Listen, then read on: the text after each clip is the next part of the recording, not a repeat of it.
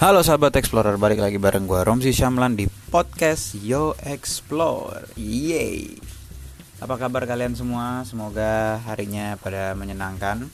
Dan hmm, bentar lagi mau pemilu ya, besok tepatnya. Jadi ayo kita memilih mau nomor satu, mau nomor dua, mau nomor tiga, mau nomor berapa aja. Pokoknya yang penting milih. Gunakan hak suara kalian karena golput bukanlah pilihan. Wede, keren banget gue ya, gile. Oke, ngomong-ngomong soal uh, tema hari ini kita akan ngebahas mengenai kalau liburan ke Semarang.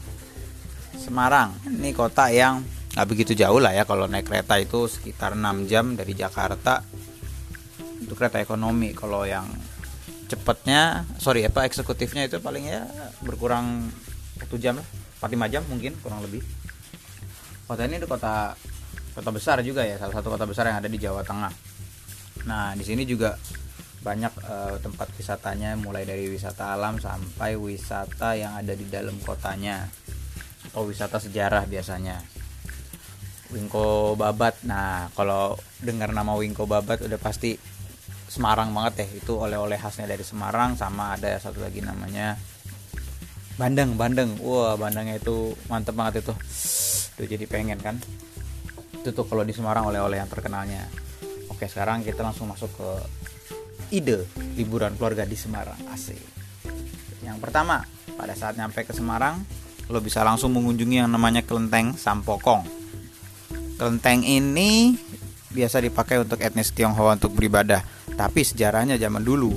Kenapa dijadiin kelenteng ini dulu adalah tempat peristirahatannya Laksamana Cheng Ho. Laksamana Cheng Ho itu adalah seorang apa ya disebutnya ya Laksamana itu ya kayak legenda legendanya orang sana lah. Dia mengunjungi Semarang pada tahun 1416 dia ini muslim. Jadi ini pe, apa namanya pengembara bukan pengembara sih. Ya pokoknya legendanya mereka tuh e, muslim datang ke Semarang dan dia menyebarkan agama Islam di sini. Dan akhirnya dia neduh di sekarang jadi kelenteng Sampokong. Sebenarnya ini dia bukan berhenti dengan sengaja tapi karena ada salah satu e, awak kapalnya dia tuh sakit keras. Jadi ditinggal di sini dan terpaksa dia ditinggal. Laksamana Cheng Hoi tetap lanjutin perjalanan dia ditinggal dengan beberapa anak buah yang lainnya untuk merawat sampai akhirnya dia udah mulai sembuh dan anak buahnya itu ya mengajarkan agama Islam seperti apa yang diajarkan oleh Laksamana Cheng Ho tersebut. Dan pada akhirnya dibikinlah kelenteng ini sampai akhirnya jadi sekarang tuh ya selain tempat buat beribadah sekarang jadi tempat wisata juga gitu. Jadi dominan tuh warna merah di dalam sana kelenteng-kelentengnya. Bagus banget sumpah nggak bohong oke terus yang kedua ada yang namanya Lawang Sewu. Siapa sih yang nggak tahu Lawang Sewu? Dari acara yang TV zaman dulu tuh yang mistis-mistisan itulah. Lawang Sewu itu memang terkenal dengan suasananya yang bikin merinding. Lebih seru lagi kalau misalnya datang ke sana malam-malam. Karena dibuka sampai jam 9 cuman cuman katanya ruang bawah tanahnya yang katanya dulu buat adegan film itu eh sorry adegan acara TV itu dari tutup entah dengan alasan apa atau gimana. Ini persis di depan Tugu Muda Semarang jadi memang ada di tengah-tengah kota Semarang. Lo bakalan kaget lihat arsitektur tuh yang megah banget. Keren banget arsitekturnya. Terus ya bangunannya yang bener-bener bangunan khas Belanda banget gitu deh. Ya paling suasananya yang merinding-merinding dikit lah cuman kalau buat foto sih jangan ditanya. Ini keren banget. Oke yang selanjutnya ada yang namanya Candi Gedong Songo. Ini ini kompleks sebenarnya. Maksudnya kompleks adalah jadi masuknya udah tiketing udah jalanannya treknya udah rapi ada buat jual makanan ada bisa naik kuda banyak tanaman hias segala macem. Jadi candinya ini memang ada sembilan. Tapi yang kita bisa lihat itu cuma lima. Konon konon katanya candi 6 sampai 9 itu runtuh. Jadi nggak bisa di dijadiin tempat wisata nggak bisa nggak enak dilihat lah. Ada juga yang bilang 6 sampai 9 nya itu tidak sembarangan orang yang bisa ngelihat. Nah gua nggak tahu mau yang mana. Oke? Nah jadi sistemnya ini adalah dari naik ke candi satu trekking kita. Cuman jalur itu udah bagus udah aspal semua. Udah enak deh udah nggak ada yang terjal banget.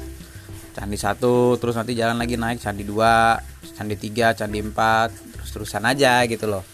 Candi 5 yang di 6 gitu. Wah pokoknya ya seru deh tempatnya sampai akhirannya terakhir itu ada di candi 5 baru bisa keliling ke mana-mana lagi. Atau sekitaran situ ada satu tempat namanya Ayana ya kalau nggak salah. Itu ada satu tempat itu instagramable banget. Jadi tempatnya banyak kayak bola-bola gede gitu. Bola-bola di dalamnya kalian bisa duduk. Ya pokoknya spot foto gitu deh. Nah terus yang terakhir ada namanya Brown Canyon Semarang. Nah ini bener-bener mirip kayak di Amerika sana tuh apa Green Canyon apa Brown Canyon yang di sana itu bener-bener tebing gede warna coklat. Jadi ini sebenarnya basic itu adalah kayak tempat penambangan gitu ya penambangan batu sama pasir. Cuman akhirnya jadi tempat wisata karena bentuknya tuh keren banget. Tebing-tebingnya tuh waduh pas di sana tuh ngerasa kayak kayak nggak di Indonesia deh. Cuacanya ya memang pastinya rada panas cuman kalau lo ngejar yang namanya fotografi hunting foto itu tempat ibaratnya empuk banget buat difoto karena spotnya tuh bagus-bagus bongkahan-bongkahannya itu tuh yang kayak bikin lo lagi berada di gurun-gurun ala koboi Amerika gitu tau gak sih? Wah pokoknya kayak badai deh nggak bohong gue ke sana jadi sekian seperti itu aja dulu sahabat explorer. Nanti kita akan ngebahas lagi destinasi-destinasi atau topik-topik lainnya yang lebih menarik lagi. Jadi stay tune terus di podcast Explore oke? Okay? gue Romi Syamlan. Bye bye